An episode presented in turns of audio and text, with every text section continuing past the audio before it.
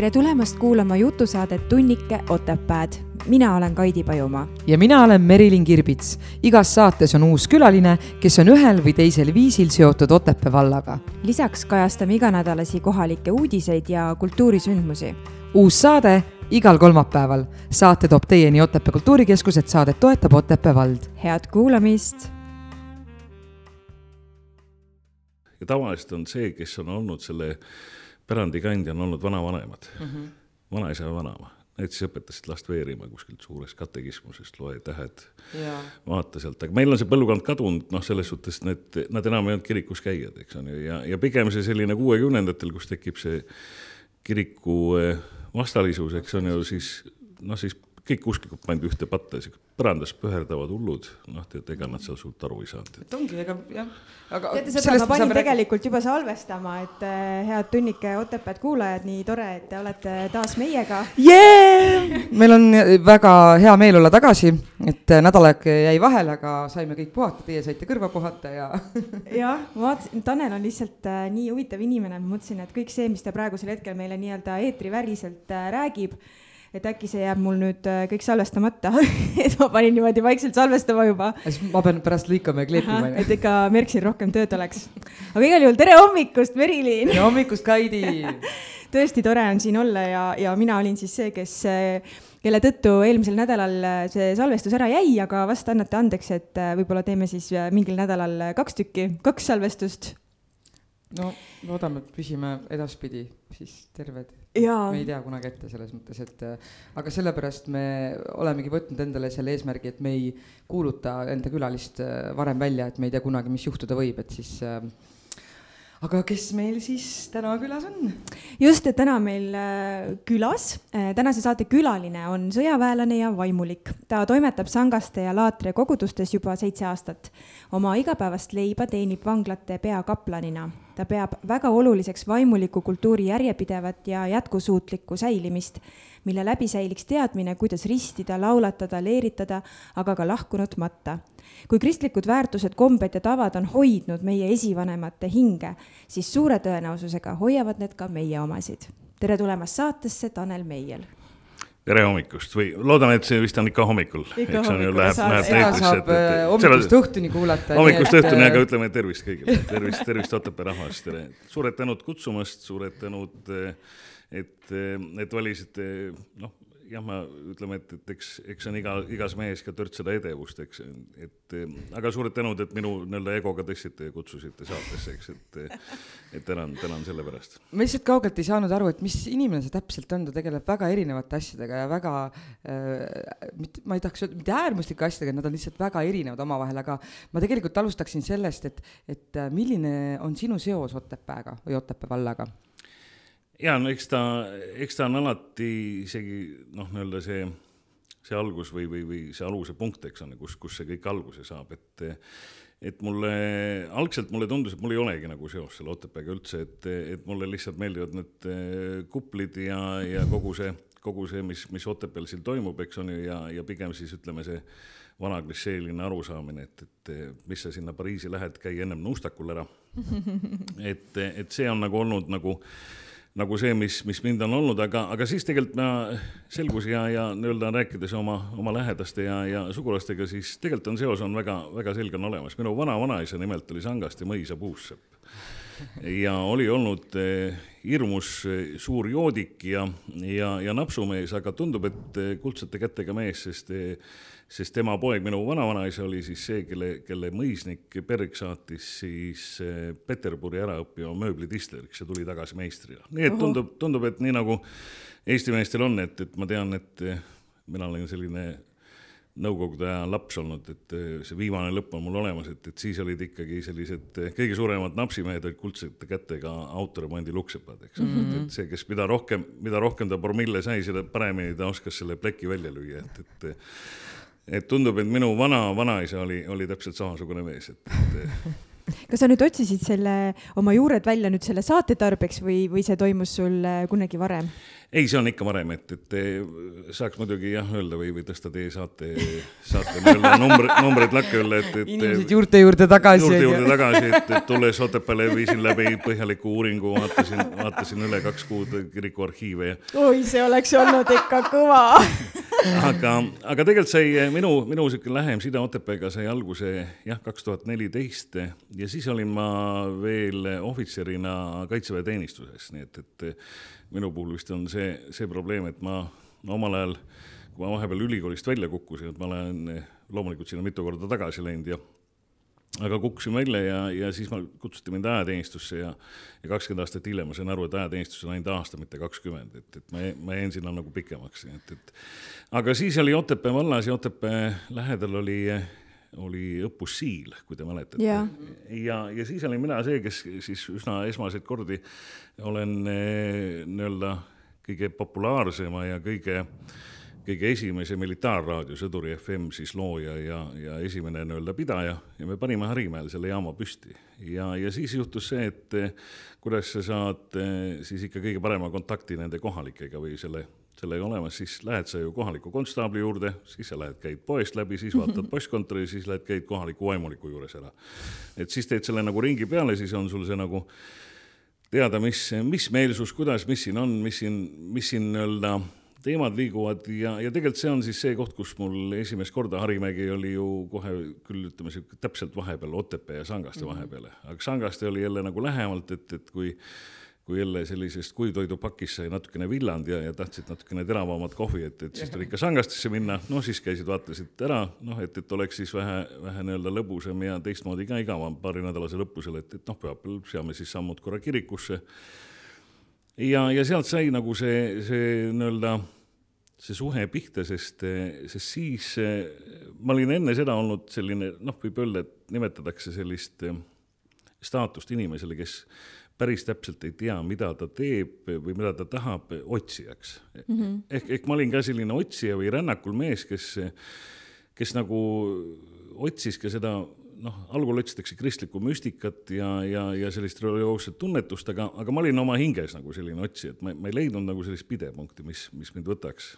ja pigem ma arvan, et, et selleks hetkeks olin ma aru saanud, et selline kaitsevägi kui selline sõjaväeline organisatsioon on, on, on hingeliselt hästi tühi Mm -hmm. et, mhm. et ma, ma julgeks öelda, et ta on niisugune kastivabrik. no ma usun, et te saate aru, et, et kui me räägime sellisest kaitseväest, siis on seal väga selgelt ja selgepiiriliselt kõik sul paika pandud. päevaplaan, siis on määrustik, siis on eeskirjad, siis on sul juhend, siis on saapa viksimise eeskirjad, siis on käitumise eeskirjad, et see kõik on sul eluks on pandud selliseks kastina paika ja sellest on selline suur müür väga kindlate vahedega, kus mm -hmm. jälle seisub liinur, kus on pandud paika ja see tähendab see, et sa kaotad ära nagu selle sisemise maailma tunnetuse yeah..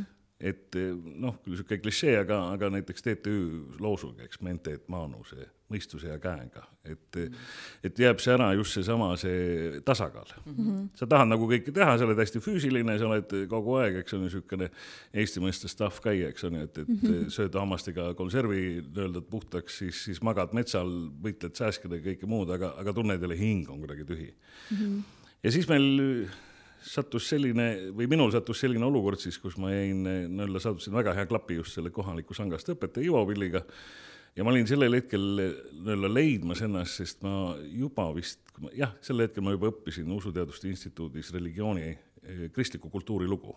nii et, et, et sealt ütleme, see minu huvi sellisesse meie kultuuri või, või, või sellise kristliku kultuuriloo peale, et, et noh, mõnikord inimesi natukene ajab segadusse see sõna liide seal ees, see kristlik, eks ole mm, -hmm. et, et me võiksime öelda, et tegelikult kogu kultuurilugu saabki alguse tegelikult ju kristlikus kultuuris, kui me mm -hmm. räägime mhm. ära, et aga, aga noh, ma arvan, et, et anname, anname Usuteaduste Instituudile andeks, et vähemalt see, see osa on, on võib-olla väikene osa, mis võib-olla lükkab inimesi eemale, aga, aga ma arvan, et see teine osa võiks jälle nagu juurde tuua, nii et, et mm -hmm. et kaks tuhat neliteist oli see, kus minu esmane kokkupuude Otepää vallaga, sel hetkel, kui ma ei eksi, vist oli veel Sangaste vald ja Otepää vald, aga nüüd siis, eks ju, haldus, haldusreformi imena on meil, meil sündinud üks suur vald, eks ole, kahtlemata Eesti parimaid ja ilusamaid valdasid, eks ole, siin, siin ei ole, siin ei ole mingit muud küsimust, et, et. aga sa, võib-olla ma natuke küsiks äh, täpsemalt selle kohta, et sa ütlesid, et et kuidagi nagu, nagu hing oli tühi või midagi oli puudu. Kas, kuna sa praegu oled, issand, kui kaua nüüd siis äh, vaimulik olnud? ütleme nii, et ma mõistlik on vist öelda niimoodi, et ma olen, ma olen käinud seda vaimulikku rada vist nüüd nii nagu nagu peaks käima vist iga selline kasvav äh, kirikuõpetaja mm, -hmm. et algul ma olin ilmalik jutlustaja, noh, see on mm -hmm. nagu niisugune esimene staatus ja see jutlustaja staatus on, on selles suhtes huvitav, et, et sa ei ole ordineeritud, ehk sind ei ole pühitsetud vaimulikuks, aga sul on peaaegu samad õigused nagu vaimulikuna, et sa võid läbi viia sõnateenistust, sa võid matta, nii-öelda mitte päris isegi hädaolukorras, aga, aga nii-öelda kohaliku õpetaja siis igakordsel käsul või, või korraldusel võid sa ka ristida, võid noh, nii-öelda jagada sakramenti mm, -hmm. aga sul ei ole õigus, eks ju, pühitseda nii-öelda armulauaande sul ei ole õigus, eks ju, iseseisvalt viia läbi teenistusi, palvusi, aga nii-öelda siis sellise koostöös kohaliku vaimulikuna saab seda nagu, nagu võtta, et, et aga, aga siis, et, nagu edasi minna, mõtlesin, et noh, et, et mis sellest ilmalikust rollist ikka võtta, et, et sealt tuleks nagu edasi minna nii-öelda nagu gramm ikka kangemaks. noh, et noh, siis öeldakse, no mis sa tahad siis paavstiks saada, ma ütlesin, et no vot, et luterlikus kirikus meil paavste polegi, et, et võimalik on ikka kasvada võib-olla selleks, et ehk kui jumal annab, vist eh, saab eh, elu võib-olla sellise elukaare lõpupoole võib-olla piiskopi särgi selga ja, ja võib-olla noh, võimalused on ju kõigil olemas vaimulikel, et, et liikuda selleks, et valitakse sind peapiiskopiks, aga aga ma pigem olen oma mõtetes jäänud ikka kindlaks selleks, et mulle meeldib olla lihtsalt see maakoguduse õpetaja, et, et olla, olla natukene nii-öelda lähedal sellele maasoolale ja sellele tunnetusele, mida maainimesest tema tema lihtsuses on ja, ja lihtsuses mitte selles halvas mõttes, et, et maainimene on lihtne, vaid, vaid selles suhtes lihtsuses tema mõtteselguses ja, ja arusaamises mm. -hmm. et eh, jutlustaja ametit eh, ma jõudsin vist ikka pidada päris pikalt, kaks tuhat neliteist kuni kaks tuhat kaheksateist, aga vahepeale jäi siis tegelikult eh, siis see, et, et kuna ma kaks tuhat viisteist mõtlesin, et aitab mulle nüüd kakskümmend aastat kaitseväeteenistust küll mm. -hmm. ja, ja liikusin tegelikult ühele, ühele huvitavale ametikohale, milleks on siis Tartu Ülikooli infotrubi juht, sest eh, vahepeal juhtus mul see, et, et minu teenistuse sisse jäi üsna palju erinevaid eh, teenistusvaldkondi, ma alustan või, või ma peaks ütlema sõjaväeliselt, ma olen ikkagi selline väljaõppinud jalaväeohvitser, et mm, -hmm. et, mhm. et, et ma arvan, et nii nagu enamus minu, minu kursusest või, või, või minuvanuseid mehi, et, et minu selliseks suurimaks suuremaks õnnestumiseks, noh, nii-öelda oma erialaselt ma arvan see, et, et noh, ma olen vast nagu selline kriisiolukorras äh, suuteline juhtima pataljoni, midagi rohkemat, et noh, pataljon on niisugune neli kompaniit ja, ja tugevdusi ka. reaalses elus ma olen, ma olen saanud nii-öelda niisugust pataljon miinust õpp-, juhtida õppuste käigus. aga noh, tavaliselt on see, et, et nagu ma ütlen, kui mu vaim oli otsiv, siis ma, siis ma tavaliselt ka sellises oma teenistuses olin ka selline otsiv, et mind niisugune väga niisugune rutiinne väga ei istunud, ma alati pidin vaatama, leidma omale ikka mingi sihuke, nagu öeldakse, nagu Armeenia komsomal, et, et leida omale mingi eesmärk, mida siis rõimuhõisete saatel alati ületada, aga, aga ma leidsin ikkagi asjad, mis mind, mis mind nii-öelda sisemiselt põletasid. Ja, ja ma arvan, et et, et sealt ma kohati ka õnnestusin päris hästi, et, et ma olen teeninud Kuperjanovi pataljonis, lahingkoolis, seal ma olin nii-öelda reservohvitseride kursuse instruktor ja ja koolitaja, edasi juba Kaitseliit, Peastaap, ma arvan, et head huvitavad ajad olid Tartu malevas, ma olen, olin siis ikka üsna pikki aastaid, olin akadeemilise malevkonna instruktor ja, ja aitasin nii-öelda käima tõmmata just seda akadeemilist malevkonda. siis eh, olin ka maleva staabiülem, väljaõppeülem ja, ja ma arvan, et, et võib-olla niisuguseks suuremaks õnnestuseks on olnud mul see, et ma olin siis Eesti Küberkaitseüksuse esimene pealik ja selle looja nii-öelda niisugune nagu ristiisa või. ja vist õppejõud ka sellel. noh, eks ma, eks ma olen pidanud seda nii-öelda oma hääle ja, ja, ja, ja kas, kas poolpiduste päris või, või, või poolikute teadmistega ikkagi nagu seda edasi kandma, nii et.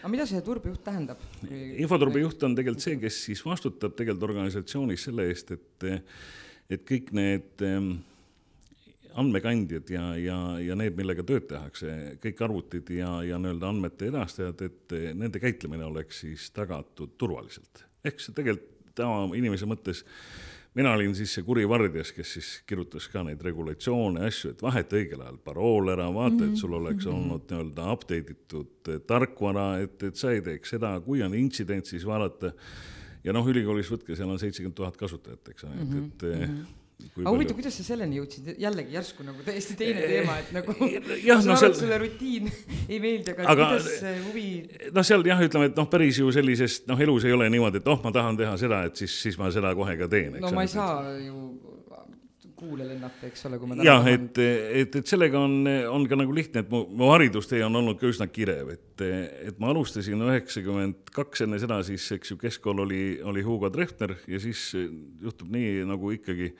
juba tol ajal elitaarkoolidest, et, et kogu mu klassikaaslased, me kõik saime esimese korraga ülikooli sisse, et omal ajal oli see tegelikult wow. üsna, üsna suur saavutus mm, -hmm. et noh, nagu tead, siis võeti ainult ju kakskümmend protsenti enam-vähem ülikooli astujatest mm. -hmm aga ma olen esimene keemiabioloogia eriklassi lõpetaja, alustasin Tammsaare nimelisest, esimest keskkoolist lõpetasin juba Hugo Treffneri gümnaasiumis, eks ole, et, et. Aga, aga ma läksin õppima keemiat ja, ja ma olin kolmand-, kolmandal kursusel sain sain aru, et et keemiainsenerina Eestis tööd ei ole. noh, ma ikkagi tahtsin olla see keemiainsener, ma, mulle väga meeldis tööstuskeemia ja, ja ma nägin nagu vaimusilmas, et ma, ma oleks olemas, tahtsin, mõtlesin ka arsti minna, aga aga, aga arsti puhul ma kartsin seda, et õppida kümme-viisteist aastat ja siis, siis avastada, et sa ei olegi tippkirurg, eks ole mm -hmm., või noh, see mm -hmm. noore mehena ma, ma arvan, et ma, mul ei pidanud see enese, eneseimetlus, ausus ja, ja, ja see lihtsalt vastu mm. -hmm. ja, ja, ja ütlesin, et vot keemika on ka ikka lahe olla aga kolmandal kursusel, kui Silmet kõik oli juba erastatud, Vähja-Tiit oli selle kõik juba laiali kandnud, siis ma sain aru, et Eestis tööstuskeemikuna tööd ei ole mm. -hmm. et ja siis saate aru, siis noore mehena kaob sul see huvi nagu täiesti nagu noaga lõigatud. plaks ei enam mingit, no mis ma sellest keemiast ikka võtan ja mm -hmm. ja on olemas ja, ja siis sai proovitud ikka erinevaid asju, mõtlesin algul, et et ehk ikkagi advokaatidel on maailmas jõud, eks ole, et õpime natukene juurat, eks ole, et, siis. õppisid juurat? õppisin juurat, et advokaadiks, advokaadiks ei saanud, aga aga, aga siis väsisin ka sellesse aru, et, et see ei ole ikka päris see, mis. kaua sa õppisid juurat? ma tegelikult õppisin eh, nii juurat ja järgmisena õppisin ma majandust, aga ma mõtlesin mõlemaid täpselt nii kaua, et ma sain alati seal mingi kõrvaleriala kokku mm. et noh, mul, mul vähemalt nii palju oli, oli seda nagu hoidu, et, et need sai nagu kõrvalerialana kunagi ära ah., alati ära mm vormistada, eks ole, et ma ei mäleta -hmm. omal ajal, kas kolmkümmend kaks või nelikümmend kaks, no ütleme nii, et parasjagu ma sain ikka nagu maitse suhu, aga mm, aga ma saan öelda, et noh, nii-öelda nagu de facto, et jah, ma olen seda natukene noh, nii-öelda võtnud, et aga et majandus siis oli järgmine, mõtlesin, et noh, raamatupidajate see on jõud, eks ole, et, et, et e-vett, kreebet, eks ole, ja mul siiamaani jääb meelde, kuidas mul õppejõud Anu Reiglane ütles, et kuidas jätta meelde, kummal pool teebet ja kummal pool kreebet, eks ole, see ütleb nagu diiselkütus, eks ole, TK, et, et teebet vasakul ja kreebet paremal pool, et, et appiku hea aga, aga, aga sellega ma arvan, et need on, need on asjad jälle, mis on, mis on tegelikult tagantjärgi mind aidanud. et, et esiteks näiteks keemiaõpingud ja reaalained ja matemaatika ja füüsika, andmetöötlus sinna, ütleme, kokkupuude arvutitega. ma arvan, et sealt ma sain selle, et, et ma olin suuteline aru saama itimeeste liblika keelest ja seda tõlkida mm -hmm. tavainimesele, eks ole, et, et noh, ma usun, et teil kõigile kuulajal on täpselt sama olukord, et kui sa töö juures võtad oma arvuti, teed lahti ja siis tuleb sul error, eks on ju vanasti tuli süntaks error nelisada kolmkümmend viis, eks on ju, sa, sa täiesti juba, inimesed kangestuvad, eks on ju, nad, neil on juba närv, eks on ju, siis jah, jah, veterinõu ja, ja siis võetakse see itimees, eks ju, toru otsa, siis eh, öeldakse, noh, ma, mul siin arvuti on hangunud, ma ei tea, siis itimees tõesti, noh, neil, neil on olemas see täiesti nende jaoks. oma keel või? oma keel Just. ja, ja siis, kuidas ta noh, täiesti nagu selline, sa saad aru, et, et ta on sihuke rõtsakil vahetusjalatsitega taga ja siis ta ütleb, et ma arvan, et see on Cisco serverite virtualiseerimisleveli omavaheline konflikt ja, ja, ja siis, ja siis inimesed on, on kaks võimalust, eks on ju, kes, kes siis kes on vähe julgem ja vanem, ütleb mida, mida, mida, no kuram, teeme, teeme selle korda, see ei ole nii. ja teine pool on siis see, kes ütleb, ahah, ja, ja, ja muidugi see, see virtualiseerimislevelite konflikt, eks on ju, noh, nogutades kaasa ja, ja jäädes lootma, et ehk siis ikkagi itimehe sisemine moraalne, eetiline tung on see, mis lõpuks paneb ta selle noh, nii-öelda noh, minu asjad korda mm. -hmm. aga ma ikkagi jah, suutsin vist nii palju ikkagi ennast, ennast harida õppida, et ma sain aru nagu selliste trollimiste tagamaadest, ma ütlesin, noh, jah, see võib, kahtlemata on olemas, aga et see server jookseb ikkagi nüüd küll mitte Cisco peal, et, et teeme, teeme ikka kasutajale selle, selle asja rahulikult korda, et, et võta, võta see väikene aeg, mis sul siin selle ülemakstud palga eest sulle makstakse. et, et need olid, need on need ajad, aga need ajad on ka muutunud mm. -hmm. sest ega intimehed on ka, sest noh, nagu öeldakse, et nii nagu nii nagu ameeriklased ütleb, magic is gone, eks on ju, et, et Elvis left the building, et mm, -hmm. et kui üheksakümnendatel oli itimees ikka sihuke võlur, visard, tuli, keerutas näppu korra, seistes sussi ja, ja imeväel, eks on ju, avanes sul Delfi, Borr ja, ja kõik muud arvutis. -hmm. siis, siis nüüd siis nüüd on, nüüd on tegelikult see kõik on muutunud selliseks igapäevaseks.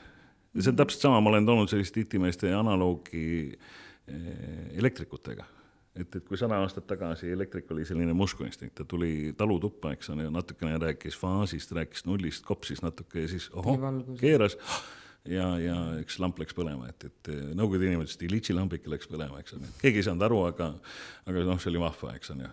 ja elektrikust nüüd tänapäeval ta ei ole enam muskunstnik, aga ta tegelikult, kui te vaatate elektriku palka mm, -hmm. no ta, ta on ikka väga oskus, oskustööline, eks ole, et, et sama on tegelikult juhtunud ka nüüd itimehega, et tema magic on on läinud, aga vajadus temale on olemas.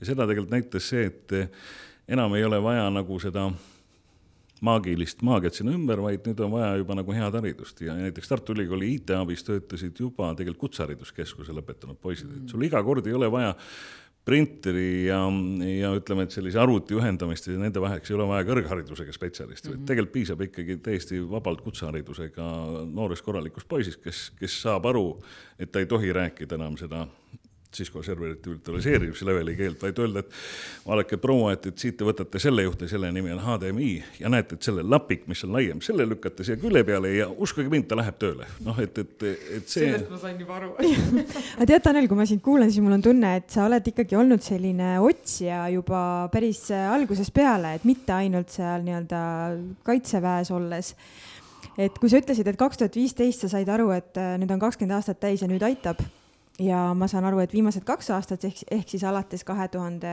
üheksateistkümnendast aastast sa oled siis vanglate peakaplan. et äh, minu küsimus võib-olla, kui ma eile õhtul seda saadet äh, kokku panin ja mõtlesin, et mida sinult küsida, siis äh,, siis üks, üks mõte, mis minus tekkis, oligi see, et ühelt poolt sa nagu minetasid selle, ma ei tea, kaitsevägi on vist õige, aga noh, kogu selle, kogu selle kaitseväenduse ja, ja valisid vaimuliku tee, aga sinust siis miski ikkagi nagu jäi, et sa jäid nagu vanglate peakaplaniks, et, et miks just, miks just selline amet? eks seal, eks seal vist on see, et, et ükskõik, mida me elus teeme või, või, või kus me, kus me läbi käime, eks ta jätab meile selle noh, nii-öelda trügi külge, kas prügi jääb külge või, või saab sul see istmik tolmuseks, kui sa istud, et et kahtlemata, vaata, kui sa pool oma teadlikust elust oled olnud jõustruktuuris, kus, kus sa tead, mis, mis tähendab nii-öelda käsuahel, mis on, mis on korraldus, mis on, mis on nii-öelda paika pandud selline nii-öelda tegevuste järjekord, väga, väga selge, arusaadav aruandlus, siis see kahtlemata muudab, noh, ma arvan, et et ma ei tea, kuidas, kuidas on naisterahvastel, aga poistega on ja meestega on küll nii, et, et kui sa lähed kuskile võõrasse seltskonda või seltskonda, kus sa inimesi ei tea, siis ma arvan, et enam-vähem sellise noh, esimese viieteist minutiga on selge see, kes on ennem ajateenistuses olnud, kes mitte.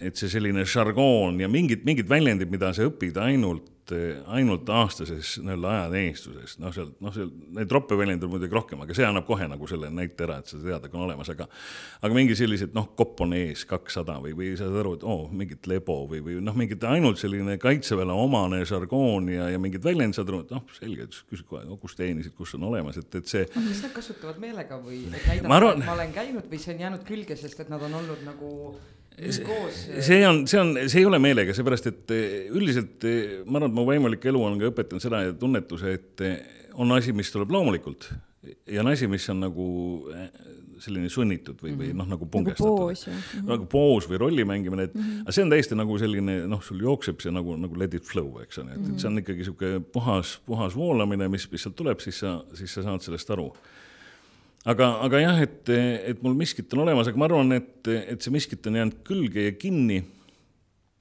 ja, ja see vist juhtus siis nii, et, et, et ma vahepeal siis jah, olin jõudnud oma, oma kaitseväeteenistuse lõpetada, olin siis Tartu Ülikooli infoturbejuht kolm aastat aga mingil hetkel saab iga asi minu jaoks nagu otsa, et, et noh, otsa said ka vahepeal mingid, mingid võib-olla sellised viisakamad nii-öelda suhted inimeste vahel ja ma sain aru, et, et mõistlik on lihtsalt vaadata natukene maailma laiemalt, et esimest korda elus siis sain tunda seda, mis tähendab olla koondatud, et, et mulle, mulle algul oli see nagu hirmutav, et noh, et sa oled sihuke kakskümmend aastat olnud sõjaväes, siis kolm aastat ülikoolis, siis koondatakse, et noh, mis see tuleb. kõik ütlesid, ole rahu, võta easy, et, et sul mm -hmm. kahe kuu palk, issand, sa saad veel mingi paar kuud otsida, ega ja siis kõik ütlesid, no mis seal otsida, et, et noh, puhka natuke, et küll sa selle töö leiad, et töö ei ole kadunud. no et, mina isiklikult isegi arvan, et osade inimeste puhul äh, tuleb see kasuks, et ma ei räägi konkreetselt sinust, vaid üleüldse, et äh, inimesed on tihtipeale mugavustsoonis ja nad ise ei arene läbi selle, et nad tegelikult jäävad ühte kohta kinni. et äh, noh, nagu kui sa ei ole, siis vahepeal selline koondamine või töö kadumine tegelikult paneb neid hoopis teistmoodi ennast avastama, et mis mulle nagu veel meeldib teha?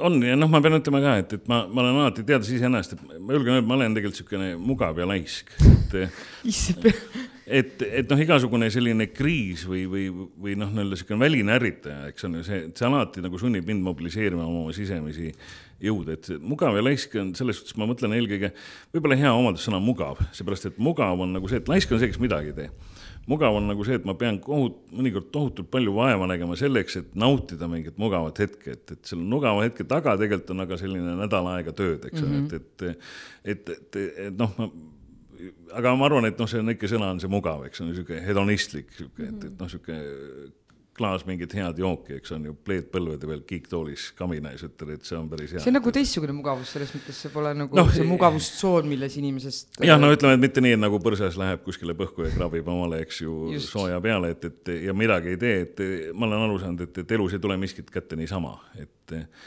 aga, aga siis on jah, see, see mõjutus oli siis see, et ja ma, ma olin tegelikult siis, olin tööl Sisekaitseakadeemias ja, ja kuna mu eelmised teenistused on olnud sellised, et ma olen, ma olen suhteliselt pädev õpetama ja olema, olema nii-öelda koordinaator siseriiklike kriiside peale, et, et tegelikult ma õpetasin nii kohalikku omavalitsust, terviseametit, kõiki suuremaid riigiameteid just kriisi reguleerimise peale, nii et, et, et kohati nii-öelda sellise Covidi kriisi taustal ma nägin kohati nii-öelda ka neid juhte ja keskastme juhte, keda mina omal ajal olen koolitanud, noh, ma tundsin ära mõned mustrid, mida, mida mina olen soovitanud või läbi oma tegevuse saanud, eks ole, et, et kohati võin öelda, et mingil hetkel esimestel nii-öelda faasides saime me päris hästi hakkama, eks ole, et, et ma mõtlen Eestis kui tervikuna, et, et aga ma arvan, et sealt jäi see külge ja siis, kui, kui tuli äh, välja teade vahepeal muidugi ma just jõudsin ülikooli jälle vahepeal ära lõpetada, et, et ma e, sain siis kätte oma, oma magistrikraadi religiooni antropoloogias, et ja mõtlesin, et vot, nüüd on aeg küps, et nüüd on nagu niisugune taust on nagu juba on olemas, et ja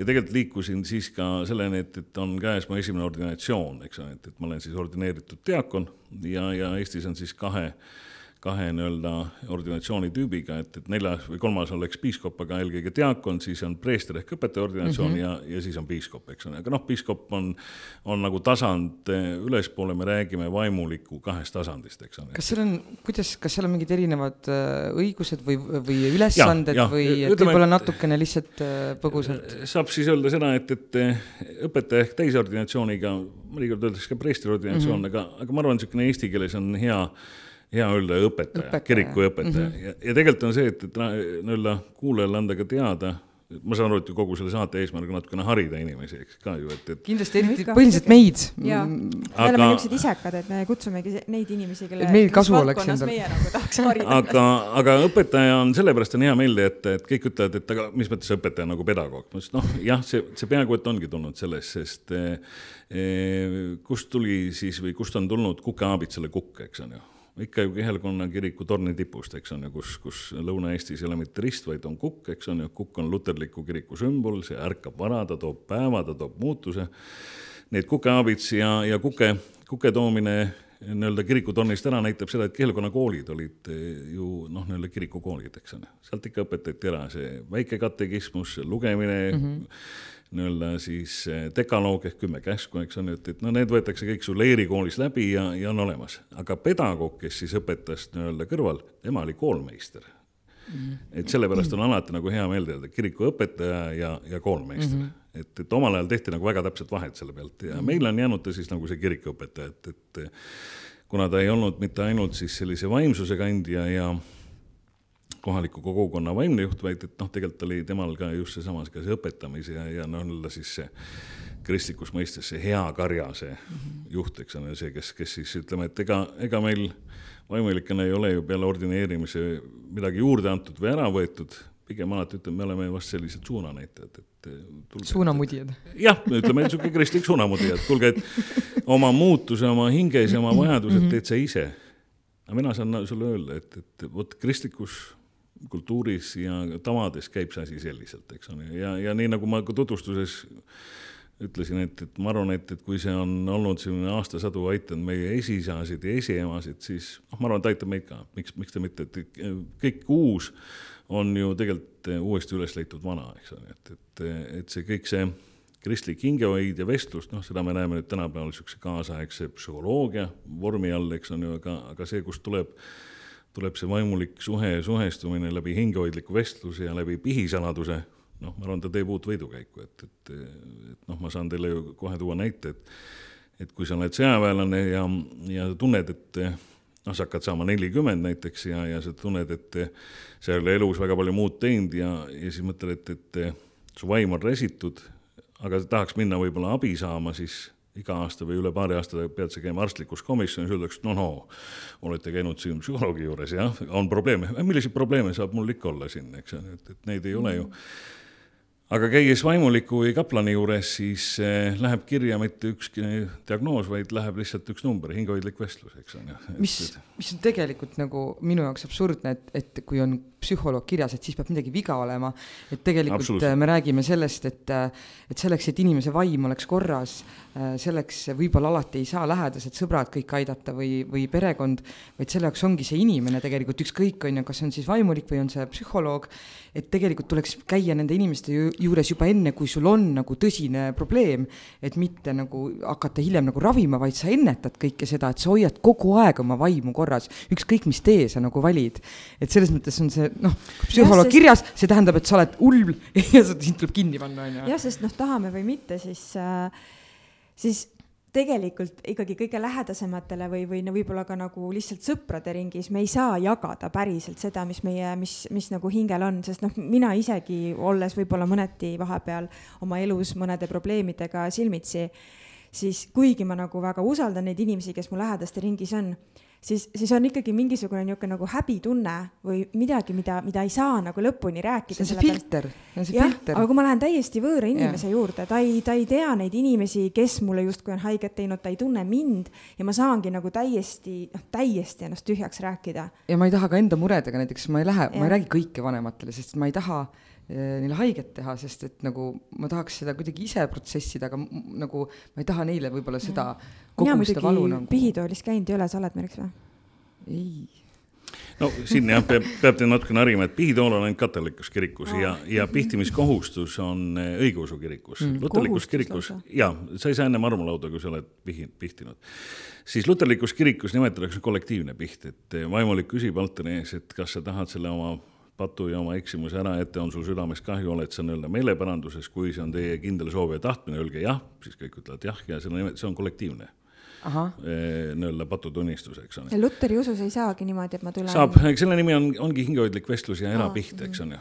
aga see tavaliselt tähendab hingehoidlikku vestlust ja siin teie jutu taustal jah, ma saan öelda, et, et kahjuks nii nagu paljugi meie elus mõjutavad sõjalised konfliktid ja sõda oma, oma olemusest siis murrang on tulnud eh, Ameerikast, ameeriklased on hästi religioossed, nad oma piiblivööndis elamise ja, ja kogu selle teemaga nende sõjaväelased ka, need praktiliselt kuuskümmend, seitsekümmend protsenti on need, kes ikkagi on sul psalm kakskümmend kolm tätoveeritud, eks ju, ühe rinnale ja teisel rinna poole peal on sul eh, mariin, mariinide nii-öelda logo, eks on ju, ja, ja nad vajavad alati seda osadust, mida, mida vaimulik pakub. aga nemad on aru saanud just sellest, et eh, käies vaimuliku juures, siis äh, see ei lähe kirja, see ei lähe kirja sinu nii-öelda medical record, ta ei lähe sinu mm -hmm. meditsiinikirja ja sul ei ole probleeme järgmine kord noh, nii-öelda meditsiinilise etapist läbi saada, eks mm. -hmm. ja kui ma olin poolteist aastat tagasi, korra selline lahe programm on, mille nimi on siis eh, military exchange ja, ja see peaks olema siis eh, just nii-öelda Military Reserve Exchange, jah, on õigem, ehk siis reservis olevate ohvitseride, sõjaväelaste vahetusprogramm ja ma olin siis praktiliselt eh, kaks nädalat siis Michigani rahvuskaardis nende, nende nii-öelda suurel õppusel. Nende jaoks oli see üldse, et noh, see on ainult meie meie nii-öelda brigaadi õppuskohal oli viisteist tuhat sõjaväelast, et, et noh, selline noh, ütleme, et meie suhtes, meie suuremad siilid ja kevadtormid võib-olla annavad kergelt vaimu, aga nende jaoks oli see siis ka aastaõppus, et meil korra brigaad tuleb kokku, et teeme, teeme sihukest.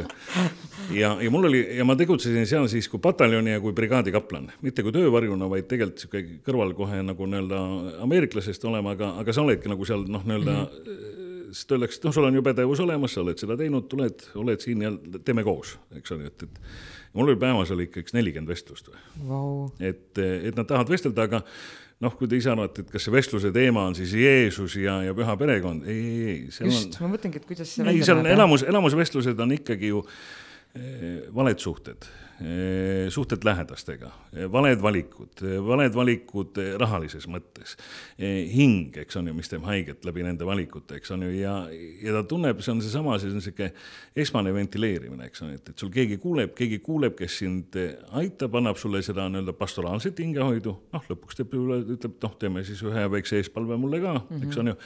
aga sa tunned seda vabanemist ja sa saad aru, et, et see on nagu see noh, nii-öelda see, mida, mida kaplan kui vaimulik saab pakkuda. ja, ja see, mida, mida nüüd nii-öelda Covid on näidanud, seda eriti näiteks vanglakaplanaadis, on see, et vanglas eh, töötav vaimulik on nii-öelda kahe funktsiooniga et kõigepealt annab ta välja nii-öelda eh, pastoraalset hingehoidu, aga ta annab ka seda esmast psühholoogilist nõustamist, sest see käib meie nii-öelda hariduse juurde, kui sa õpid teoloogiat. mulle siis, just tundub ka, et see on väga seotud psühholoogiaga. et see, see on, need on need kaks valdkonda, mis, mis on, käivad kõrvuti alguse noh, kaasaegne psühholoogia, mina julgen öelda, on alguse saanud ikka just samast pihivestlusest, ikkagi sellist usalduslikkusest, vahekorrast kahe inimese vahel, eks on ju.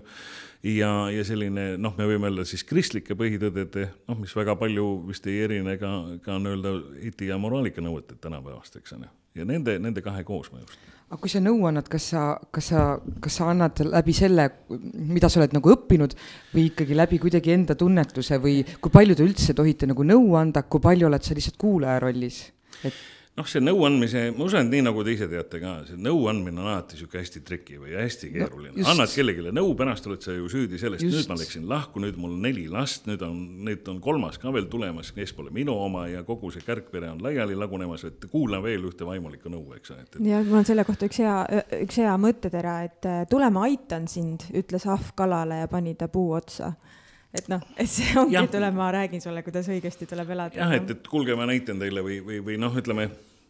et pigem ongi see ikkagi jällegi see, et äh, iseenese kõvasti väljarääkimine. üks asi on kuulamine, teine on see, et, et kahtlemata käib nõustamise juurde ka selline võimalike selline tegevussuundade andmine, eks ole ja, aga teine, mis aitab vaimulikul alati nõuandmises, on see kristlik eetika et kui, kui sa ütled, et noh, sa ütled, et ja elu on näidanud seda, et noh, ütleme, inimene on kuskil eksinud ja ütleb, et noh, tal näha, tal on hing vaevas, ütled, et noh, ega, ega sul ei jää muud üle, kui mingi hetkel pead sa ennast kokku võtma ja, ja ära lõpetama selle, sest noh, su hing lõpmatult ei pea vastu, eks ole, et, et kas kas lõputu õudus või õudne lõpp, eks ju mm -hmm.. noh, seisa silmitsi oma, oma nii-öelda tehtud asjadega, vastuta, võta see vastutus ja, ja usu mind, sa saad sellest vabaks, eks ju, et, et kui sinna juurde käib ka siiras kahetsus, sest noh, nii-öelda selline kristliku nõustamise puhul on alati, on olemas selline kolm etappi, nagu ma julgen öelda, et üks on, esimene on, on nii-öelda tunnistamine, et noh, mõnikord kasutatakse mõistet patutunnistus, eks on ju, aga see on niisugune pool müstika, millest inimesed ei saa aru, aga tegelikult tunnistamine mitte teistele, vaid iseendale, et sa oled eksinud. noh, minu viga, eks on ju, see, mida, mida katoliiklased ütlevad, mea culpa, eks on ju, et, et, et mea maxima culpa, minu, minu suur viga, eks on ju. aga see, kui sa endale ütled, et, et mina olen eksinud et see on nagu see esimene etapp, eks ju, see, et, et kui sa seda nagu noh, nähes teid kahte, ütlen, et saate aru, ma olen eksinud, eks ole, siis ma mängin jälle ju mingit rolli ja ma teen seda teiste pärast, pigem on see iseendale mm. -hmm. see arusaamine on olemas ja kui sa seda vaimulikult tunnistad, et jah, ma tunnen või, või näiteks noh, ma toon seda näidet selline kinnipeetavatega, kellega ma vahepeal tegelen, eks on ju, siis nad samamoodi ta ütleb, et jah, see on, see on minu viga, et ma siin olen, eks on ju. järgmine etapp on kahetsus see, et, et sa tunned eh, süüd, üks on tunnistamine, aga süü ja et sul on, sul on kahju, et see, see on juhtunud sinu pärast, sinu tehtud, tegemata asjade, öeldud, mitte öeldud asjade pärast. ja kolmas, mis nagu aitab selleni, et, et saavutada kõige kõrgem, milleks on lunastus, kolmas on meeleparandus. see, kui sa oled muutuselt, mitte aga selline noh, nii-öelda noh, sihuke parim näide, ma usun, et teil on endal ka olnud selliseid rollikristlasi. noh, ma julgen nagu öelda nende kohta need, kes ütlevad, et ah, täna võin siin liiderdada, juua ja teha kõike, mis vaja, aga ma lähen pühapäeval kirikusse, ma saan armulauda ja mul, mul on jälle kõik korras, eks ole mm -hmm.. et tegelikult see sellist, sa ei saa seda kogu aeg üle võtta, sest iga, iga armulauda ette käib manitsus, et, et kui sa ei võta seda tõsiselt, kui sa ei tee seda tunnistust ja see ei ole meeleparandusel, siis usu mind, siis seda pattu Jumal sulle andeks ei anna, eks ole, et, et. see on tema enda kaotus selles mõttes. absoluutselt, aga, aga vot see selline kristliku kolme sammu idee või sellise kolmes etapis, see jätab sulle nagu ka sellise noh, väikse juhise, no kuidas inimest aidata. noh, tunnista endale, räägime, et, et noh, et see tundub nagu lihtsana, et, et räägin sulle kolm asja, lähme ära, aga noh, mõnikord võtab see aega, et see endale tunnistamine võtab aega kuid sa võid mulle rääkida nii palju, kui tahad. mis sa tahad ja, ja muud ja aga... aga sa saad aru tegelikult, kui inimene endale tegelikult ei tunnista. noh, noh, ta ütleb jälle, et, et oh ei, see ei ole see ja, ja kui see lõpeb ja. lausetega, et kui see juhtuks uuesti, siis ma suure tõenäosusega teeksin seda ka sellisena uuesti. mõtled mm -hmm., noh, kas see siis tõesti, me oleme nagu miskit õppinud või kas see on Am... olemas, et, et,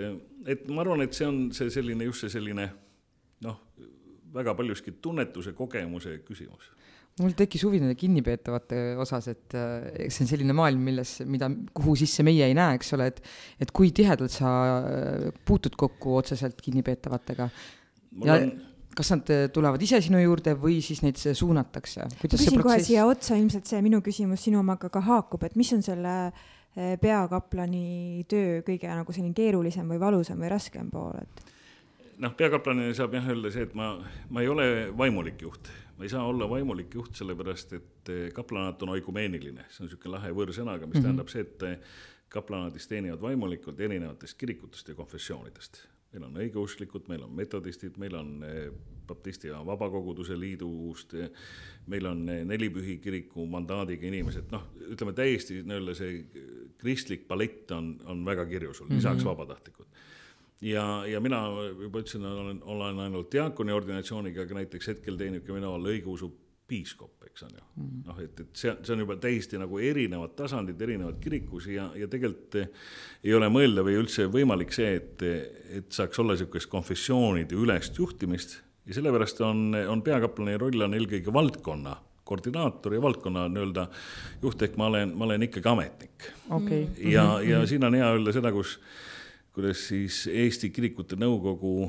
president, peapiiskop emeritus Andres Põder on ütlenud seda, et meie riigi demokraatia lakmuspaberiks on see, et meil on vaimulikud avalikus teenistuses. see ongi see, kaplanid on mm, -hmm.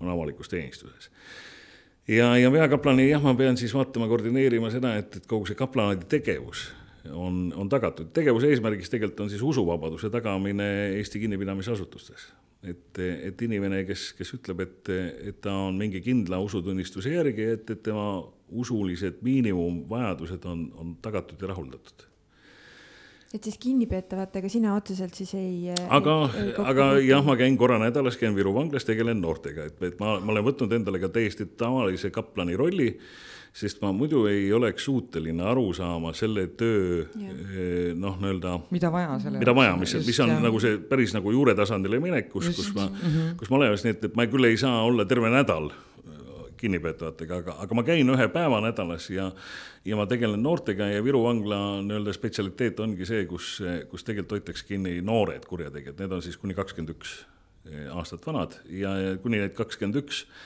siis nende, nende nii-öelda. oota, ma küsin, mis vanusest alates siis? kuusteist kuni kakskümmend üks, et, et sa pead olema ikkagi nii-öelda passiealine ja, ja. et sa saaksid vangi minna. jah, enne seda, mõned alaealised on ka, aga need on erandjuhtud. et, et need noorte, noorte puhul on siis keeruline see, sest, sest seal on väga palju erinevaid probleeme, sotsiaalseid probleeme, nad tavaliselt on ka väga katkistest peredest yeah. on olemas. kahjuks peab ütlema seda, et nii mõnigi kord on näha seda, et, et sellel noorel mehel äh, on esimene kord vanglas olles, kui ta saab kolm korda päevas süüa, kui tal on tegelikult puhas voodipesu, eks ole, et kui ta saab lõpetada põhikooli ja sealt keskkooli saab kutsehariduse, nii et, et kohati, nii nagu ka sõjavägi näitab seda ühiskonnas saavutamata tulemusi, peab kohati klattima, eks ju, jõustruktuur, noh mm -hmm., nii-öelda andes, andes selleks võimaluse, aga see ei ole lahendus, aga mm -hmm.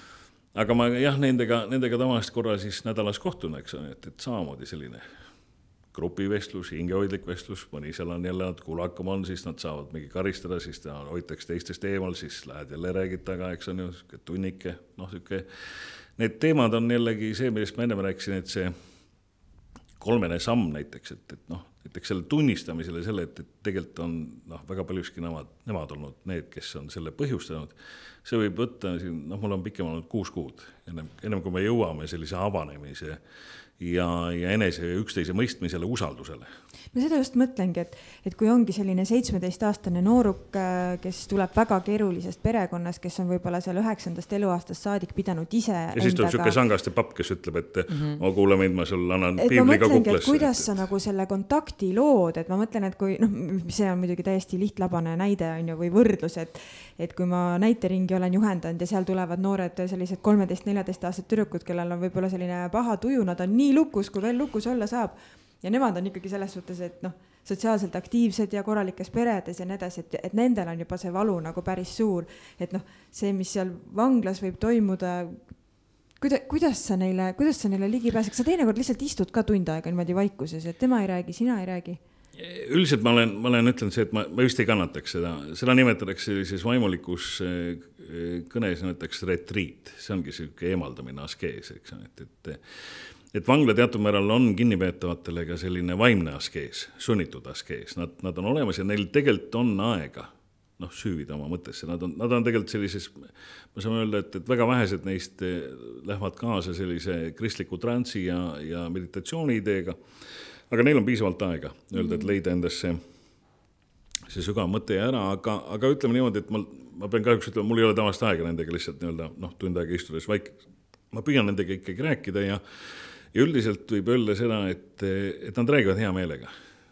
aga nad ei, nad ei räägi sulle, eks ju, noh, nii-öelda sellest, mida sina tahad kuulda, eks ole mm -hmm., et, et kohati on, kohati on kaplanil ja vaimulikul vanglas see, see roll kanda, kus sa oled sellise meelelahutaja ja meeleparandaja vahepeal, see on niisugune mm -hmm. väike peenike punane joon, eks ole, kus -hmm. kus sa nagu käid, et, et nagu ma ütlen, et nii nagu näide sellist, sellest Ameerika sõjaväe teenimisest, et et sa räägid autohindadest, Elvisest, eks on ju, tüdrukutest, naistest, suhetest, vanematega, muudest ja. et jõuda sinna. et jõuda lõpuks sinna, et, et kuule, et aga see on olemas, eks on ju, et ja, ja lõpuks saad sa ühe palve, eks on ju, kus, kus on olemas, siis sama on tegelikult nende noorte kinnipeetavatega, et tegelikult läheb, ütleme. kui, kui tuleb uus poiss ja ta tuleb nii-öelda sinna gruppi sisse, siis ma ütlen, et läheb aega üks kolm-neli korda, kui ta juba noh, ma olen neid vahepeal sealt siis nii-öelda neid nagu vähe seal proovile ka pannud, et hakkame ära, just oot-oot, eespalve, eks on ju, või mm -hmm. et, et nad kolmandaks korraks on juba meie isa palve peas, eks ole, et, et noh, see, see alati tekitab natukene selle tunde, et sa saad aru, et see on nagu see, selle viljaterade külvamine tuulde, et, et noh, sa, sa viskad nagu pihkudega selle laiali, aga kuskilt nagu idaneb, et et seda trotsi nagu neis sellel hetkel Icon, siis enam on, Icon jah? ikka, neil on ikka seal olemas. Neil on väga palju valu, ma arvan. seal on, seal on palju, seal on erinevalt, nad kõik on noh, iga, iga on, sa pead kohati vaatama nagu case by case või lõhkuma seda mm, -hmm. et noh, ma toon nagu teile nagu teise siukse noh, ma saan aru, et, et vaimulike puhul on alati see, et sa pead rääkima lugusid, eks on ju, noh ja eks, eks teie, teie broadcast peab ju tähendama ka see, et, et lood peavad olema need, mis kuulajale kohale jõuavad mm. -hmm. et võib-olla selline hea, hea lugu on teil rääkida seda, kui kui mul oli siin üks, üks kinnipeetud noor poiss ja hakkas nagu vabanema, siis ma tavaliselt küsin nende käest, et kui nad vabanema saavad, et noh, siin sa käid, eks ju, kabelis iga nädal, korra saame kokku, kolmapäeval, eks on ju. et no vabaks saad, mis sa siis teed? no mis ma teen, no vot siis ma teen ikkagi, ma pidutsen üks nädal aega, eks on ju, siis ma vaatan omale X5-e ja isa lubas töö anda ja siis ma vaatan, kus mu naine ja laps on ja oh, no väga lahe, et, et noh, see kõik on ju, tundub, et noh, maru ju tegelikult ikka, et noh, et kaua sa siin pidutsed, nädal-kaks, aga et noh, hakkad tööle ja, ja, ja, ja ma ütlesin, aga kirikus käid või? no ikka käin, muidugi käin. ma ütlesin, noh, et noh, sa ei pea mulle valetama, et see noh, mul ei ole vaja, et, et sa lähed siit välja ja, ja on olemas, et, et noh, tihti sa nagu siis läheksid. no iga nädal. oled sa nagu kindel või? et noh, et, et, et uuesti, et ma ütlen, noh, sa ei pea, sa ei pea valetama minu pärast, et, et iga nädal meil siin aktiivsemad koguduse liikmed ei käi iga nädal, eks on ju, eestlane on ikkagi selline jõulu, jõulurahvas, korra aastas käib, maksab kirikumaksu ära, ma ütlen, et issand, olgu kiidetud, et meil on korralik koguduse inimene, kes on oma nähtavaid kohustusi mitte unarusse jätnud ja tulnud jõuludeks kirikusse. ta ütleb, no ma ei tea, noh, no korra kuus või? kurat, korra kuus, see oleks ka juba väga hea, see on ikka nagu super, kaksteist korda aastas ju, noh. ei no seda ei ole palju jah, selle ma ikka käin ja, ja siis, kui, kui ta on saanud eh, nii-öelda vanglast välja noh, kas siis näiteks kriminaalhoolduse alla või on tal jalavõru pandud või noorte karistuspoliitika on teistmoodi, siis öeldakse, et retsessiivsus neil on väike, et seal on võimalik seda inimest veel päästa nagu paremas mõttes. noh, selles suhtes, et, et kõik erinevad sotsiaalprogrammid ja asjad anda tõuke selleks, et, et see vangistus töötaks sellisena, et ta ei tuleks tagasi mm -hmm.. noh, näiteks minuvanune kolm korda istunud mees noh, mõttetu on seda küürakat parandama enda hauda, eks on ju mm, -hmm. et sealt ei ole seda pääsemist, aga mm -hmm. alla kahekümne ühe, sealt on nagu lootust olemas ja seda näitavad ka kõik tulemused. ja siis, kui ta ütleb, et jah, et, et no korra kuus käiksin, noh siis, kui ta on juba paar kuud vabadus olnud, siis Facebookis otsid ära, küsid, et noh, kuidas sul läheb seal ei, kõik on varudelt, X5 sõidab ja kuna siin on, siin on kõik olemas ja, ja tööl käin ja, ja vaatan, kuidas saab koolis käia ja siis küsid, aga kus kirikus ka käid? ei, no vot sellega on see, no see noh, ei ole nagu noh. ah, saad aru, et tuleb seal selliseid küsi ja hüüu märke, ütleb, no praegu ei ole, et, et see on raske aeg. Ja siis ütled, noh, ütleb, et eks ta nii läheb, aga, aga siis üllatud mingi paari kuu pärast tuleb kiri, et kuule, tead, ma käisin, käisin, vaatasin ja ma pean ütlema, et vot ma sinna ei taha minna. mulle meeldis see hoopis rohkem ja, ja anna mulle teada, et kus ma näiteks palvehelmeid saan osta, eks ole. et, et sa nagu näed, et, et ta mingi hetk tuleb või, või, või sama näiteks seal mõnikord nendega vesteldes, siis vaatad, et see kohati tekib see selline tunne, kus sa ennast tunned nagu halvasti, ütled, et et mina nagu pingutan, räägid ja püüad neid nagu üles tõsta nii-öelda vaimus, eks on ju, tood nii-öelda nagu pärleid sigad ette, nagu öeldakse, eks on ju. oi, Kalju komissaarile meeldis öelda seda. aga, aga siis see sa näed, et see nagu vajub nagu tühja, eks ole, nad ei ole, nad ajavad ikka mingit sihukest, tead, sihukest lapsikut juttu ja, ja jõuad nende peale isegi nagu vihastada, eks ole, seepärast et et ma, ma, ma ei kanna kunagi nagu seda stereotüüpset vaimulikku kujundit, et kus, kus me oleme selline kristlikult kogu aeg ühe ja teise palge ettekeeramine, eks ole, et, et eelkõige kristlikult keeratakse teine pale ette siis, kui, kui tegemist on usuvenna ja õega, eks ole, et, et ehk ühe kogukonna liikmetega ehk kogukonna liikmetega, kellel on üks kultuuriline taust ja arusaamine mm. -hmm. aga siis, kui jõuavad nagu vihastada nende noorte pättide peale, siis noh, sel hetkel nad on, on ju noh, ma mõtlen, et ma olen alati ütlen, et ei ole ka väga ju edukad, seepärast et te olete ju, teid on kätte saadud, te on vangi pandud, et te võiksite vahetada oma eluala, kus te võiksite edukamad olla mm. -hmm jõuad nende peale vihastada, kui nad siis jälle jah, siis lõpetad, aga siis kõik ütlevad, et teeme siis ühe eespalve, loevad sulle meie isa palve peatult ette, ütled, ah kurat, kaabakad küll, aga, aga näed, noh, pidage nad jällegi näed seda, et, et see, see külvamise töö on jõudnud teatud määral niisuguse viljadeni, mis, mis annab sulle nagu tagasi. ja noh, kui te siin küsite, et milline võiks olla see proportsioon, noh, palju teeb näiteks vaimulik vanglas tööd ja palju, palju võiks olla see lõikamise, siis ma ütlen niisugune paretolik kaheksakümmend, kakskümmend. me mhm. teeme väga palju noh, nagu mitte tühja, aga, aga paljuski läheb noh, meile nagu nägemata, et me ei näe võib-olla oma elus ka nende viljade võrsumist. mis nende sees toimub. aga see, see... jah, me, me ei tea, sest mõnikord võib olla see pöördumine näiteks ka minu puhul aastakümneid hiljem. Noh mm -hmm., see, see, see tunnetus on olemas või või see, et, et tal on julgus minna ja küsida abi kirikust, et ta teab, et kirik mm -hmm. on mhm. pühapäeviti lahti ja, ja ta ei tule nagu inimene läheb kirikusse, esimene küsimus, et mis numbrid need seina peal on, eks ole, et, et ta juba teab, tal on, ta on natukene kodus selles, eks ole. aga mind teeb kurvaks ikkagi see, et äh, kui kuulata seda noorte, noorte juttu, et et justkui tunne, et vanglas oled, on neil turvaline koht, kus, kus nagu sa räägid, saavad süüa, nendega tegeldakse ja. vaimselt ja siis te teete nagu ettevalmistust selleks, et nad saaksid hakkama äh, väljaspool, kus on siis kõik meie, kus meie inimesed oleme et, et miks, miks see on niimoodi tegelikult, see on, see teeb mind kurvaks tegelikult. noh, see selleks võiks, võiks, võib teha ju alati kohe nagu teise saate või, või see, see võtab sealt ära, aga, aga ma pean ütlema, et noh, mitte kõik, aga kohati, kohati on näha seda sellist sotsiaalset puudujääki, mida, mida inimestel, inimesed ja noored mehed nagu nii-öelda kannavad. teine osa on, seal on näha sellist nooruse uljust ja on olemas, sest noh, me võime öelda, meie rahvusparagrahv on ikkagi narkootilise aine käsitlemine, eks ole mm. -hmm. et, et üle nelja grammi kokaiini ja seitse aastat eh, karistust, eks ole, kui sa oled seitseteist, eks ole mm -hmm., noh, need on ikka üsna rämedad paragrahvid, üsna mm, -hmm. üsna pikad, pikad istumisajad. noh, tuleb muidugi öelda seda, et, et kui sa käitud õigesti ja, ja teed õiged programmid ja valikud, siis noh, nii-öelda maksimumaega sa ei istu, aga, aga mõned aastad tuleb sul ikkagi nagu veeta, eks ole, et, et nagu ma ütlen, noorte puhul see karistuspoliitika on mitte leebem, aga, aga orienteeritud tema tema sotsiaalsele muutmisele, eks ole mm. -hmm. mul on tunne jaa, et, et kõik need mis, mis, mis, mis noortega selles vanuses toimub, ma ütlen just, et need kinniistumised või, või need äh, seaduse rikkumised või iseenda vigastamised ja asjad, need tulevad ikkagi ju alati nagu perest ja, ja kodust, et et ma just hiljuti lugesin ühte uuringut ka, et kui oluline on lastele pakkuda füüsilist lähedust et kui laps siia ilma sünnib, siis tal reaalselt puudub füüsiliselt oskus iseennast maha rahustada ehk siis väikse beebi keha on kogu aeg võitle või põgene režiimis. ja sellepärast on hästi oluline see rinnaga imetamine, see pidev see paitamine, see kaisus magamine, hoidmine, sest selle järgi beebi keha nagu õpib iseennast nagu rahustama ja, ja, ja kui me nagu lastevanematena väikestele lastele seda lähedust ja kohalolu ei paku siis hakkavadki need noored ju hiljem otsima seda igalt poolt mujalt, eks ju, ma ei tea, oma partnerites, oma sõprades, inimestes, kes ütlevad, oo kuule, et ma ei tea, süsti seda ja siis saad seda ja seda, eks ju, et. aga reaalsus ongi see, et need noored põhimõtteliselt võib, võib-olla olidki äh, imikuna enda voodis üksinda võib-olla kaks päeva. absoluutselt. ja vanemaid polnud isegi kodus. absoluutselt et, ja, äh, ja, et kõik algab ikkagi lastetoast, on ju mm -hmm meie aeg äh, hakkab vaikselt täis tiksuma, aga. hästi me... kiiresti peame küsima, et äh, mis sa muidu teed veel selles mõttes, on sul hobisid hästi? oo oh jaa, oo oh, jaa, oo jaa, et äh, ma tegelikult lõpetan nüüd oma teist magistrit, kevadel peaks, peaks lõpetama, et, et ma, ma teen nüüd äh, seda nii-öelda teoloogiat teoloogia erialal ehk siis päris, päris nii-öelda klassikalist teoloogiat et natukene läheb mul nagu, nagu veel õpingute peale. ma oleksin läinud doktorisse, aga mul ei olnud doktori teemat, siis mõtlesin, et võtame teise, teise magistrit, see aitab mul tõusta mul ordinatsioonis ka, nii et mm -hmm.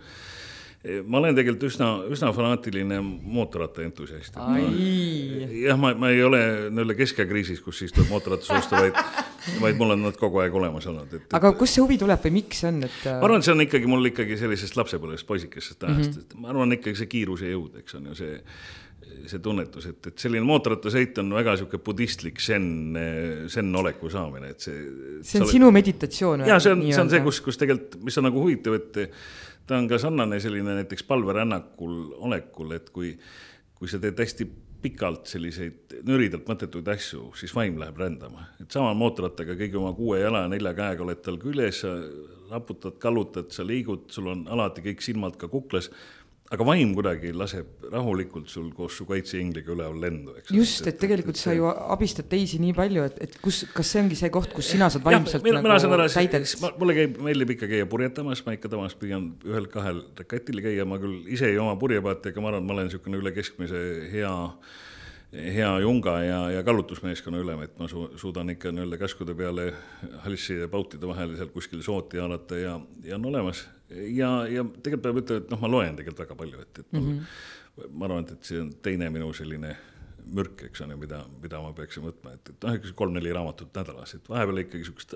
noh, nii-öelda erialast, aga et noh, et siis vahepeal mõni hea sopakas ka otsa, et mm -hmm. siis, siis. mis žanrit sulle meeldib lugeda, krimkasid? ei, ma tegelikult ma olen väga, krimkad, aga ma olen väga ka ulmefänn, eks ju, et, et. okei et science fiction on, on see, mis, mis see ka. see on põnev tõesti. see, see nagu nii-öelda läheb, läheb ära, aga, aga ütleme, et praegu peab ütlema, et e, mulle meeldib ka nii-öelda osta, osta raamatut, ma tean, kui kallis see mul naine kodus ajab alati hulluks, et jälle sa tood, aga ma ütlen, et noh, see tegelikult on nagu privileeg, et meil on miljon kolmsada inimest, kes räägivad eesti keelt, aga sa saad osta, eks ju, Nietzsche kogutud teosed tõlgituna eesti keeles, eks ole, et noh, maksad küll nelikümmend eurot, ütled, oh aga sa toetad seda, et aga seda tehakse. jah, just nimelt, et see mm, -hmm. see on nagu on olemas see, et minu arust on see nii tähtis, et, et see võib-olla siia lõpetuseks öelda, et mulle, mulle alati just meeldibki olla see kultuurkristlane, et, et et selle just nagu selles mõttes, et, et tunnistada, et ma olen, ma olen eestlane, ma olen, ma olen selle rahvuse esindaja ja, ja öelda, et, et meie rahvuse identiteedi aluseks on olnud just reformatsioon.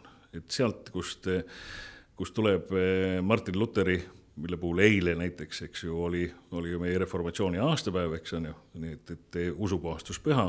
aga eile oli tõesti ju nii-öelda Halloween ja, ja minu lapsed siis kodus, et aa emme, et kas me võime ka ikka minna Halloweeni jooksma ja Halloweeni jooksma, et mul sõber läheb ja nii edasi ja siis äh, mina ise seda ei poolda, sest minu jaoks on see nagu tobe Hollywoodi komme, eks ju, kus äh, lapsed on äh, maalitud koledaks ja siis käivad ukse taga, ütlevad komm või pomm. ja siis äh, pead kommi andma või siis visatakse sind munaga, eks ju, nagu mind, mul, meil ukse taga eile üks käis ja, ja ähvardas mind munaga visata ja siis ma panin ukse ruttu kinni.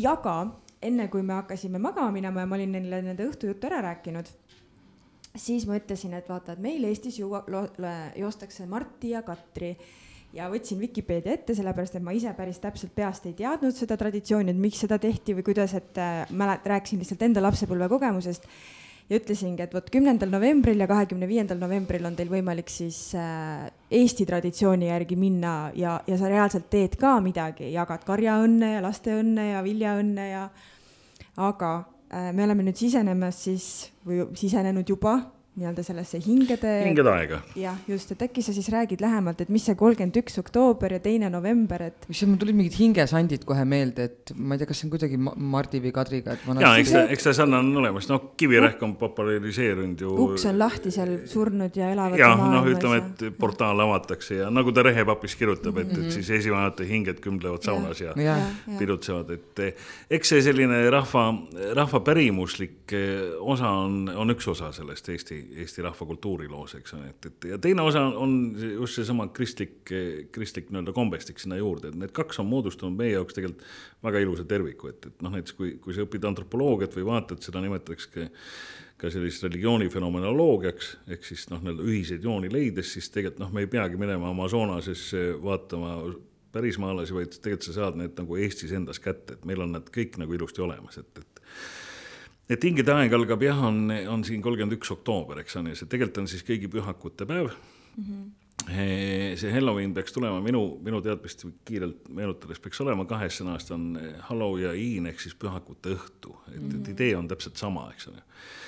aga, aga kiriku puhul eh, viissada aastat eh, natukene küll jah, vähem, ütleme, et peale, peale reformatsiooni tegelikult siis võeti üles pühakute kõigi pühakute päevi ja, ja tegelikult olemas, aga nimetuse on ta nüüd usupuhastuspüha, sest legendi ja, ja, ja päris täpselt võib öelda sellise ka daatumi järgi peaks olema kolmkümmend üks oktoober tuhat viissada seitseteist, kui Martin Luther Wittenbergi kiriku uksele koputas üheksakümmend viis teesi ja algas meie mõistes siis reformatsioon, eks ole, kus, kus tuleb minu nii-öelda selline kultuuriline tunnetus või kultuurkristlaseks olemise soov, et et, sealt tuleb siis idee, et, et piibel peab kõnelema iga inimesel tema emakeeles, saame meie, eestlased, siis esimesed piiblitõlked ja lalisevast rahvast saab meil kirjutav rahvas, sest siis me saame ikkagi kirjakeele, just tänu piibli tõlkimisele, eks algul küll esimesed katsed lõuna-eesti keeles, siis aga katk võtab poisid maha ja, ja tuleb järgmine tõlge juba ikkagi põhja-eesti keeles, nii saime põhja-eesti keele omale kirjakeeleks. sealt tuleb eestikeelsed kirikulaulud, sealt tuleb esimene laulupidu, sest see on vaimulik laulupidu, eks on ju jumal sul ligemal ja ja üks kindel linn ja varjupaik, noh, need on ikkagi väga vanad kirikulaulud, mis, mis on olnud sealt nii-öelda läbi, läbi sellise petistliku usukultuuri ja vennaste koguduse saame me kätte sellise muusikaharrastuse, et, et igas külas on puhkpill. Sealt me saame kätte oma rahvusliku identiteedi tõusu, eks, et, et kus kõik meil nii-öelda Jakobsonist alates ja, ja Feilmanid ja kõik muud pool, pool saksa verd estofiilidest baltisakslased tõstavad meie rahvuslikku iseteadvuste tunnet ja lõpuks me jõuame kahekümnendate eelmise sajandi aastatesse, kus siis tuleb rahvusromantism, rahvusriik ja, ja tänane päev, eks on ju, kus mm, -hmm. kus on olemas, et need samuti on nende meie pühade ja, ja hingede aega, et, et et jah, eile oli usupuhastuspüha, tegelikult see on üks väga ilus, äh, ilus pühapäev, enne seda on üks ilusamaid äh, pühasid, mis mulle meeldib, on oktoobri teine nädal, on lõikustänupüha. et, et see on siis see, kus me korra aastas siis täname loojat selle eest ja, ja altari ette tuuakse kapsad, kaalid, kõrvitsad, noh, loomulikult seal paar seenepurki, millele ma püüan alati ka silma peale panna, et, et, et need, need preestrile toodud ännid leiaksid õige koha. ja kultuurimajanduses tavaliselt lõikuspeod on ka suure Just, tantsu ja tänu, noh, tänutundega, et me. et need on, need on tavaliselt ongi tulnud ja, ja see näitab jälle needsamad näitavad seda, mis on ja see hingede aeg on ajas siis see, kus, kus praegu on ju eestlasele on antud isegi oma omadus sõnusele ajale, see on see kaamus mm. -hmm. siis kui, kui päikesevalgust enam on kuus tundi ja siis on pimedusaeg. aga hingede aeg näitab jah seda, et, et see me väärtustame väga oma eelpool käinud põlvkonda, eks on ju, see on see meie, meie nii-öelda esivanemate kultus. Ja, ja seda on, ütlen näiteks antropoloog Eliade, et see tuleb sellest ja just Balti rahvastel ja ta toob välja eestlasi, on, on tulnud sellest, et me oleme väga pikki sajandeid olnud seotud agraalkultuuriga. just seesama, see, millest ma rääkisin, lõikuspea hingedega, see, see on omavahel seotud läbi sellise viljakuskultuuri, see külvamine ja lõikamine eks ole, et, et elu algus on külvamine ja, ja elust lõpp on, on nii-öelda lõikamine. Ja sinna vahele kogu see traditsiooniline noh, nii-öelda talituslikud vormid juurde, et, et sealt noh, näiteks ma usun, et teate ka teie, et vana kombe kohaselt, et esimene külvivagu sul mehel, peremehel peab olema puhas ja valge särk, eks on ju. esimese külvi teeb peres neitsi ja, ja, ja nii-öelda noorim tütar ja, ja noh, need, need on kõik seotud sellega, kuidas me kummardame seda viljakust ja mm, -hmm. ja see näitab seda, kuidas meie üsna algeline pärand on segunenud tänapäevaga. ja tänapäeval siis see kristlik kultuur ja kus kirik nagu ikka niisugune hea ja mõistlik organisatsioon püüab üle võtta ju kohalikud tavad ja siduda need oma kultuuriga, noh, et, et sealt on olemas, nii et, et see hingede aeg on, on see, mis, mis ütleb seda, et, et teine november on hingedepüha, mis tegelikult on eh, üks väga ilusti hoitud traditsioon meil, mis tähendab seda, et, et mida inimesed tegelikult ka tavaliselt teevad, see on see, kus õhtul pannakse küünal lauale peale, eks on, akna peale. see on märguks, märguandeks esivanemate hingedele, et te olete oodatud, eks on ju mis tähendab tegelikult seda, et oodatud mingi, et tulge nüüd minu kööki ja tulge, tulge sööge. aga tavaliselt ütleme ka Eesti komedis, et sina jäeti, eks ju, pisuke paluke talle mhm, ära mm. -hmm aga pigem ma arvan, et mulle meeldiks alati selgitada seda kommet sellega, et te olete oodatud meie hinges ja südames, me ei unusta teid mm. -hmm. et, et see, e, ma olen, ma olen, ütlen alati, et inimene on jäädavalt kadunud siis, kui keegi ei mäleta enam tema nime ja temast ei räägi et sellepärast käime me alati ka oma esivanemate haudadel, see on hingedepäeva teine komme, kus, kus siis me mäletame oma, oma olemas ja, ja me, eestlased, oleme selles suhtes harukordne rahvas, sest eh, näiteks mu ameeriklastest kamraadid või ohvitserid räägivad, nad ei tea isegi oma vanavanaisa nime, eks ole, meie teame tavaliselt oma eelkäijate neljandat-viiendat põlve, see nagu mina ütlen, vanavanaisa oli Sangastest, Joodikust mm, -hmm. Puusepp, eks ole, siis oli see vanaisa, siis mul emapoolsed on oot-oot, need, need on Hiiumaalt, need on need, et, et noh, me, me loeme oma sugupuud üsna, üsna tugevalt mm -hmm. tagasi, me teame, kes nad olid, eks ole, et see võitles mm -hmm. seal seas, need on see, et, et noh, eestlase sõda peab ka ju alati sees olema. ja me just olemegi ju tänulikud selle eest, et äh, tänu neile oleme meie praegu siin. et, et see on olemas, aga, aga tuleb aru saada ka, et, et see hingamise aeg on aeg, mis on on see kaomuse pikk aeg, mis, mis on sulle sunnitud askees. Ja mainitud mardipäev on tegelikult ju tulnud eh, pühak Martin Turuusist ehk, ehk see ka kaitseväe pühak mm, -hmm. püha Martin, eks on ju, et, et sealt tuleb see Martini ja mardipäev. aga see tähendab see, et kõik Mart. välitööd, jah, aga välitööd peavad mm -hmm. olema tehtud mm. -hmm. see lõpetas välitööde ajad, mehed ütlevad, jumal tänatud, nüüd saab visata, eks ju, kõpla nurka ja istuda mm -hmm. nüüd ära, sest tulevad talvised tööd, kalapüük ja metsatöö ja aga mm, -hmm. aga noh, väljas enam põllutöid midagi teha ei ole, nüüd on kõik lõpetatud mm. -hmm. tarad kinni pandud ära ja kadripäev lõpetab ju kõik koduloomadega seotud tööd mm, -hmm. mis on, nad on aetud nüüd kõik ilusti kuskile nii-öelda talvekorterisse ära ja vaadatakse, et noh, vot selle ossi võtame ikkagi jõuludeks maha ja, ja sealt on olemas, et, et ja, ja naistel tuleb nüüd nii-öelda sellist kodustööd, eks on ju mm -hmm.. suure tõenäosusega väga paljuski hakatakse tegema rõivaid suvel on nii palju tööd, et see eestlane teeb ju tööd, et ennem sureb, kui aga tööd ta ei jäta, eks ole, et, et. ketramised ja kudumised. ketramised, kudumised mm, -hmm. särkide õmblemised, hamede tegemised mm, -hmm. meestel vahepeal siis, eks ju, piruvalgel puulusikate nokitsemine, et, et. ja see tavaliselt ikkagi viib sulle, eks ju, kõigile nendele pikkadele õhtutele, noh ikka sihuke vaimsest askeesi. kas see on ka see aeg, kus lapsi kõige rohkem tehakse või? alati võib, et, et, et sealt, sealt tuleb seda vaadata, et mitte, mitte sealt, et nagu ma ütlen, mina olen maikuus sündinud, noh, et kohe näha, et tudengite laps, eks ole, tulid, tulid septembris kooli, kooli ja, ja maikuuks käes, eks ole, et, et, et sa, et sealt, sealt on näha see, kus see, kus seda aega nagu jääb. Ja, ja kui me nüüd vaatame, et jah, see, see on nagu enne jõule on just see nagu see hingede aeg, eks on ju. see on aeg nagu ära, mis, mis on olemas, aga jõuluootus on jälle see, et nagu enne ma rääkisin siin ka nendest vist saateliinistusse läinud, aga saame üle rääkida, on see päkapikkude ja jõulude ühine ühine ootamise idee, mhm. eks ole mm -hmm., lapsed ootavad päkapikke ja kristlane ootab jõule, eks see on see mm -hmm. advendiaeg, aga siis on juba see, et see kaamusaeg hakkab nüüd juba mööda saama, eks ole mm -hmm., terve see november on olnud, tööd on tehtud. no kaua sa neid lusikaid seal ikka voolid, eks on ju, ja, ja, ja on olemas, aga, aga ta saab mööda. et, et see on nagu seal on olemas, kus siis tuleb jõuluaeg, see on niisugune nagu ülestõusmine nii-öelda ka vaimult aga, aga see kalender jätkub ju edasi, peale seda tuleb, et miks me vastlapäeval sööme seajalgu.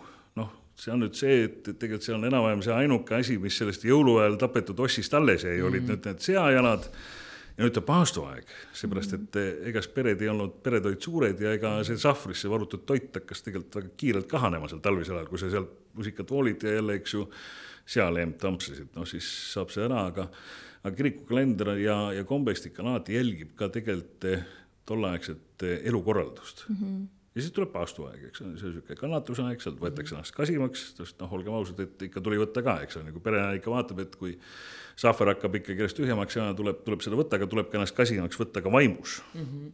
ja, ja siis on baasaja ülestõusmispüha, eks ole, see jälle see uus algus, aga nüüd öeldakse, et no kannatab natuke veel, kohe läheb kari lahti ja välja ja kõik saab jälle alguse, et et teatud määral meie see selline ajastu ja pärimuste ring käib alati spiraali.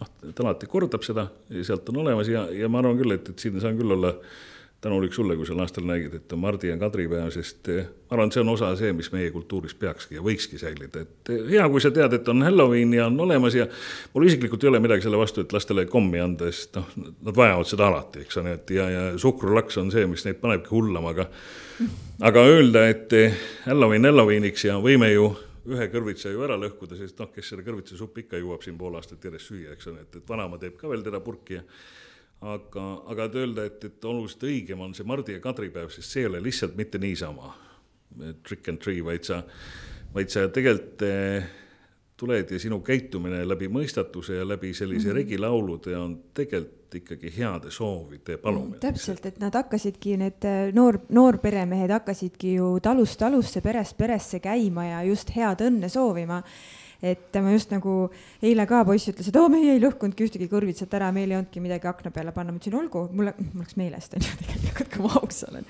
aga ma ütlesin, olgu, me võime täna selle kõrvitsa osta, me võime tagantjärgi selle teha, kui sa tahad aga see tähendab seda, et sa pead järgmised kolm päeva kõrvitsasuppi sööma, et kui sa oled valmis selleks, et mina nagu toitu ära ei viska, eks ju. et selles mõttes mina ise olen isiklikult hästi niisuguste traditsioonide austaja ja sellepärast ma neile seda Mardi äh, traditsiooni või Mardi jooksmise traditsiooni ka eile äh, ette lugesin ja rääkisin ja tegelikult neile hästi huvitas, et et kuigi mul üks poiss on seitse ja teine neli, et noh, veel suhteliselt noored, aga nad on tegelikult huvitatud sellest, mis, mis meie ümber nagu toimub. aga kui sa vaatad äh, Halloweeni, kes peavad, tegelikult need on äh, selles mõttes suured inimesed ikkagi, kes koos oma lastega selle traditsiooni meile toovad, sest see tundubki nagu lahedam ja ägedam, aga tegelikult me ei tunne absoluutselt tegelikult Mardi traditsioone mm, -hmm. kui mhm. ägedad, kui nagu tegelikult lavastatud on äh, üks äh, Mardi käimine, seal on kindlad rollid äh,. ma käisin no, olidki tavaliselt vaata perekonnad alati. just käisin ühel nagu... koolitusel see on väga vaimukas ja naljakas naljakas ülesehitus, üks on seal isegi juht ja mm -hmm. minu meelest lavastaja, et seal on erinevad ülesanded, et lihtsalt me ei tunne seda traditsiooni ja. ja me isegi nagu ei vaevu, sest meile tundub see mingisugune vana, aga mina olen mõelnud, kui me tegime seal et tegelikult sa saad alati nagu äh, samastada sellega, et sa tood nagu praegusest hetkest nagu äh, sellesama rolli, et sa leiad tänapäevast nagu sama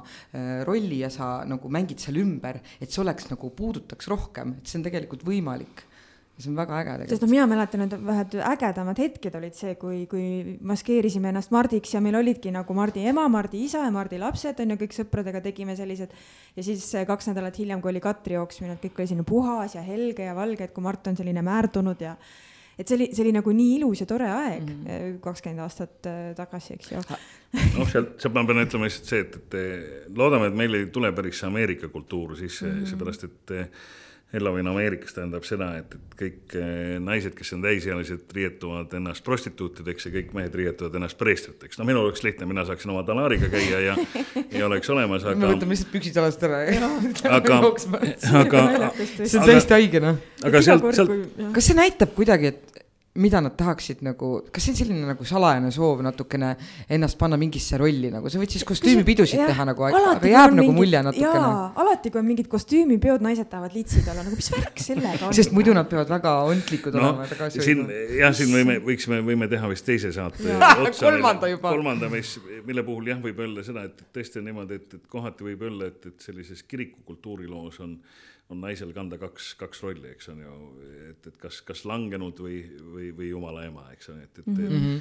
et, et nii-öelda kas prostituut või neitsi, et ega, ega siit ei ole, aga, aga siin tuleb aru saada ka sellest kontekstist, kuidas seda lugeda on olemas, sealt väga, väga kiirelt on jah, meil võimalus alati kohe anda anda nii-öelda esialgsed hinnangud, aga, aga kas ta nüüd noh, nagu õigem või kas ta loob, et ma arvan, et seal kohati võime ka eksida, aga ärgem unustagem, et, et alati on, on kuskil viiskümmend halli varjundit ja seal taga see tõde on olemas, et, et. aga me peame tõesti siinkohal otsad kokku tõmbama, meil oleks ilmselt tõesti väga palju küsimusi veel. ja, aga võib-olla siis tõesti, kui sa mõtled noh, meie tänastele teemadele, et äh, võib-olla midagi, mida Otepää inimestele võib-olla soovida või, või ja no ma, ma arvan, et vaadates praegust aega, siis ma arvan, sooviks oleks kindlasti see, et, et see kuri viirus, mis meil ringi käib, et inimesed saaksid sellest nii-öelda hoida eemale, eks ole, et, et, et inimesed oleks niisugune ilus kristlik soov on alati see, nagu soovitakse, et ole hoitud, eks ole, et, et loodame ja, ja ma arvan, et, et selline ilus niisugune mõttes ja vaikne palve, et, et issand hoiab, hoiab meid, hoiab meie hinge, hoiab meist kurja eemale.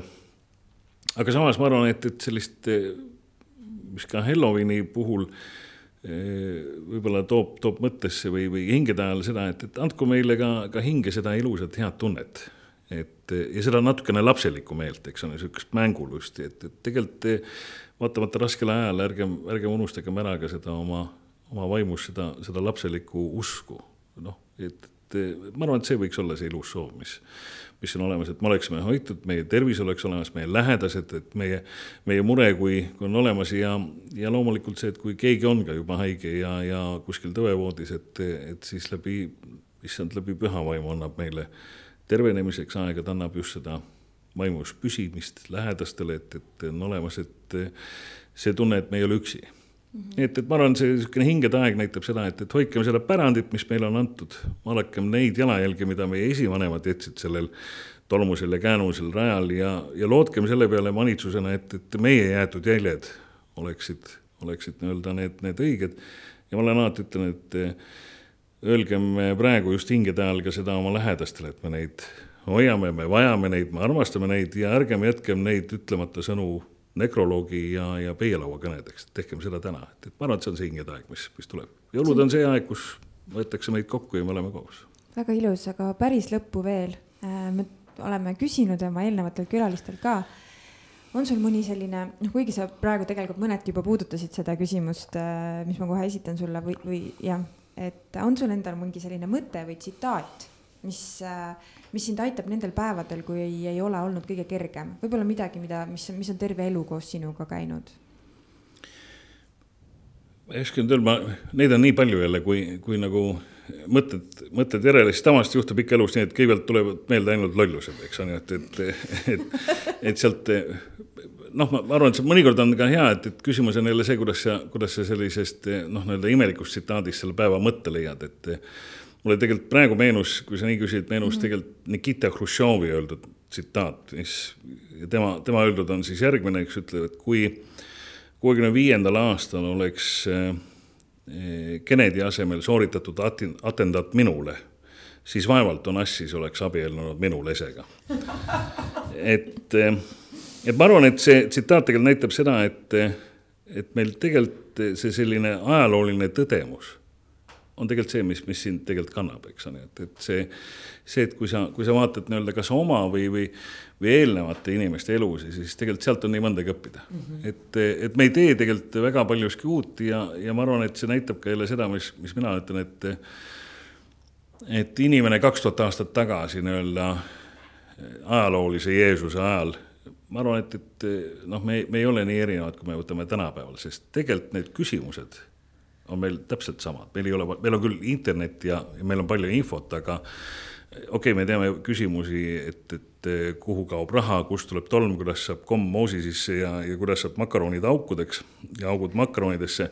aga põhiküsimus, et mis on peale, peale surma, eks ole, mis on elu mõte, meil ikka vastuseid ei ole, ma arvan, me oleme ikkagi täpselt samasugune inimene. ainult, et me praegu peame ennast paremaks, et noh, meil on olemas Google ja, ja me saame kõik ära, et. mina olen täiesti nõus sinuga, et ma olen alati seda mõelnud, et äh, inimene tegelikult ei ole üldse muutunud, lihtsalt aeg ei. meie ümber on muutunud ja meil tuleb lihtsalt sellega kaasas käia. aga needsamad küsimused, aga meil oli väga põnev äh,, väga palju küsimusi jäi küsimata, mul on tunne, et kindlasti sa tuled meile veel tagasi. ja, ja. noh, hoiame võib-olla vahet, et leiad, Otepää peaks olema nii viljakas kant, et siin peaks olema kindlasti. palju, palju häid inimesi, aga hea meelega võime mõelda ju mõne, mõne sellise hea hea temaatika, kui, kui on tulemas seal näiteks sealt ju paastu ajal näiteks sealt. teemaringis. kus, kus sealt olemas, et kust tulevad meiega paastu aja traditsioonid, toidud, ma arvan, et, et küll me sealt leiame jälle seda nii-öelda teemat, mida, mida lükata, et, et.... aitäh sulle, Tanel, et sa leidsid meie jaoks selle tunnikese, natuke rohkem kui tunnikese, aitäh sulle hinget on ju siia jõudnud huu-huu-huu hinge õiget on ju siia jõudnud ju, ju, ju. kellarit su käsu peale hu-, hu-, hu. oleme ju siia jõudnud ju, ju, ju. kellarit su käsu peale hu-, hu-, hu oleme ju siia jõudnud ju, ju, ju. kattest tõiskus peame jälle ju, ju, ju. kaabelisse sisse jõudma hu, hu, hu. kellarits pandusse kinni hu, hu, hu. kellarits pandusse kinni ju, ju, ju. rohkem mina seal ei mõtle no nii, Tanel, Tanel on nüüd meil stuudiost lahkunud, küsimusi on meil. Äh, mul on tunne, et äh, mul tekkis küsimusi aina juurde, et äh, mul on tunne, et ma jäin hästi poolikuks praegu. ja, ja. et äh,.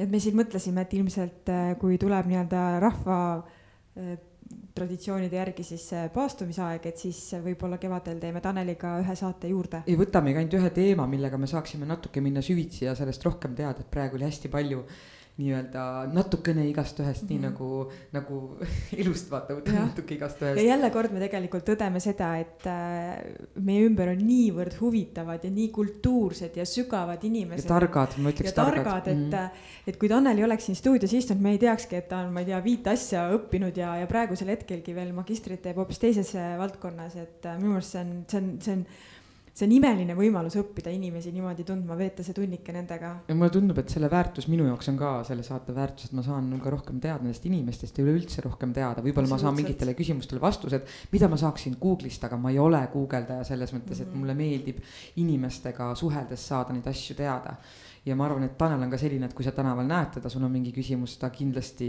äh, astub vestlusesse hea meelega ja, ja, ja. ta tundub küll selline inimene, kes hea meelega nagu vastabki küsimustele ja mitte niimoodi, et oo, see on nii loll küsimus, vaid et jah mm, -hmm. et ma hea meelega räägin ja, ja avan sulle seda maailma, eks ju, et väga-väga äh, huvitav, et et ma olen varemgi seda mõelnud ja ma olen seda ka välja öelnud, et, et kui ei oleks neid saateid, et kas mul oleks võimalik nii erinevate valdkondade inimestega tund aega järjest häirimatult äh, vestelda, siis äh, ma arvan, et ma kahtlen.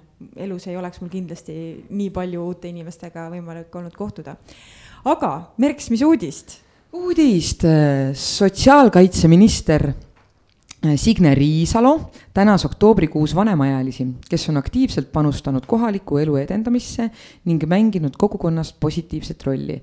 kokku pälvisid tunnustuse viiskümmend inimest erinevatest maakondadest üle Eesti.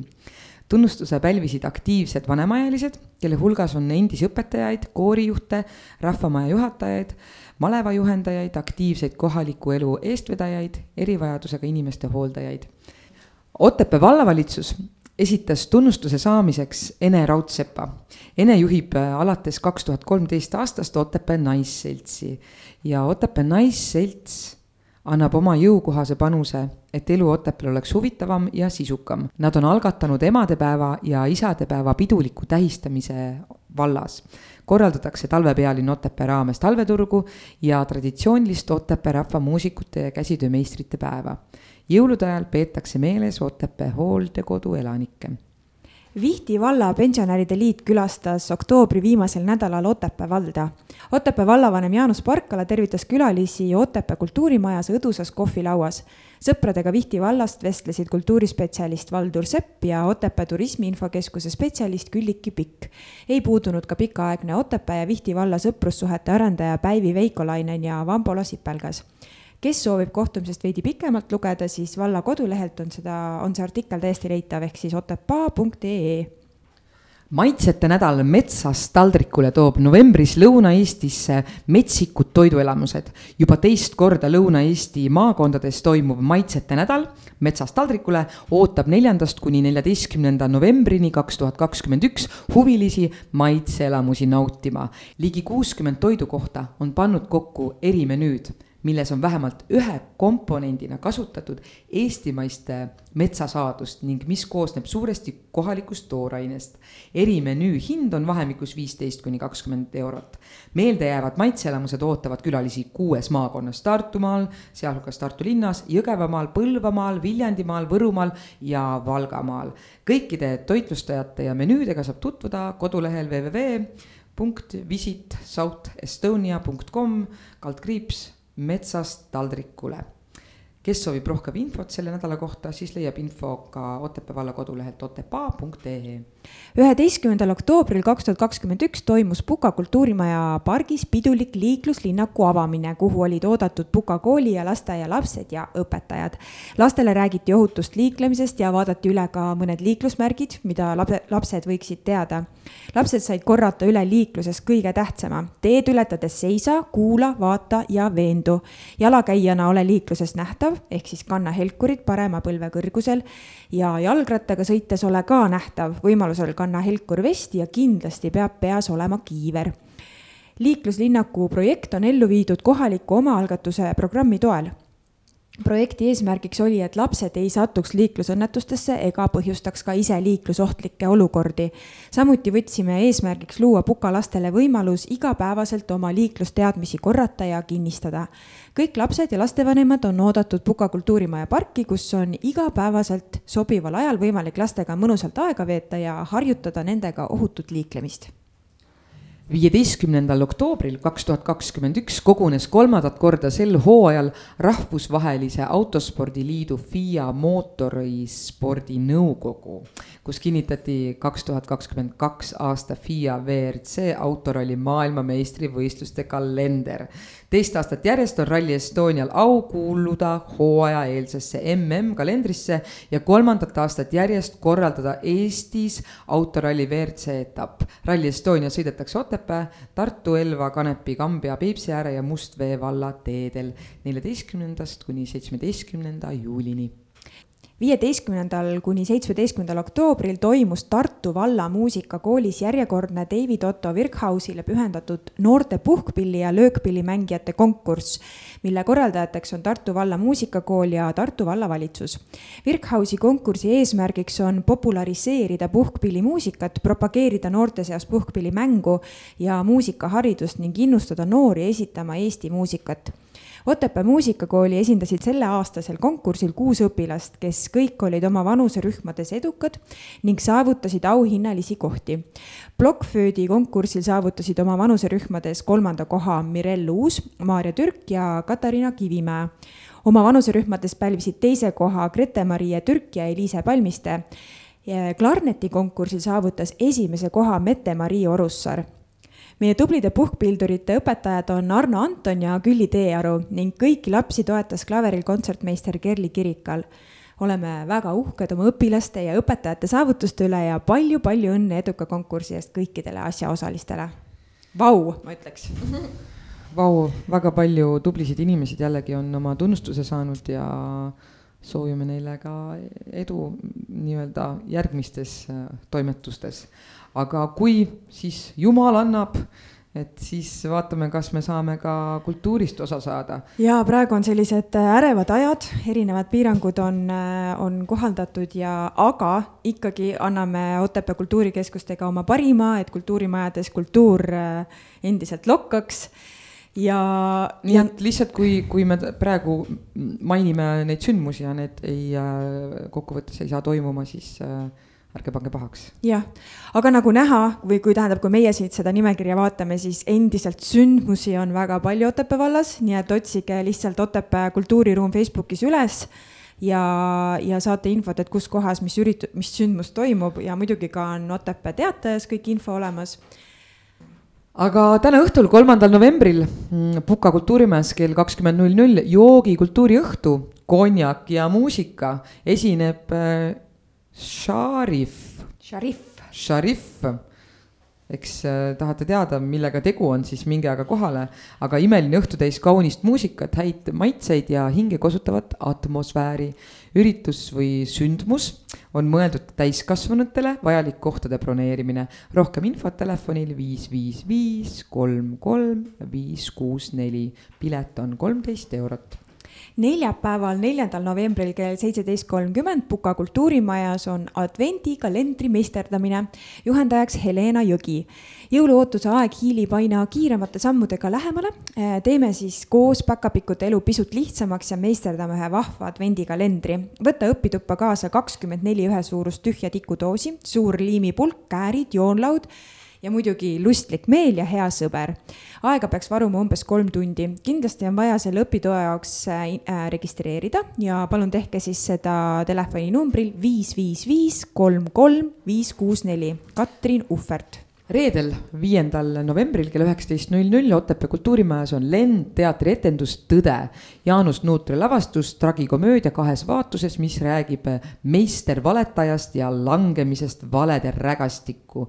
pilet on siis, soodus on kümme, täispilet kaksteist, leiab fienta.com ja noh, Kaidi, ma saan aru, on selles lavastuses osaline võid siis inimestele öelda, et äh, tulge mind vaatama. tulge mind vaatama, vaadake, mis see loomejuht seal laval siis teha oskab kah tulge vaadake, milline see loomejuht välja näeb, kes näinud pole. ja tegelikult on see hästi tore ja naljakas, see on tõesti, tõesti see tragikomöödia on seal väga õige, õige žanri nimetus, et nii palju, kui me oleme seda lavastust mänginud, siis äh, ütleme nii, et saal vaikne ei ole.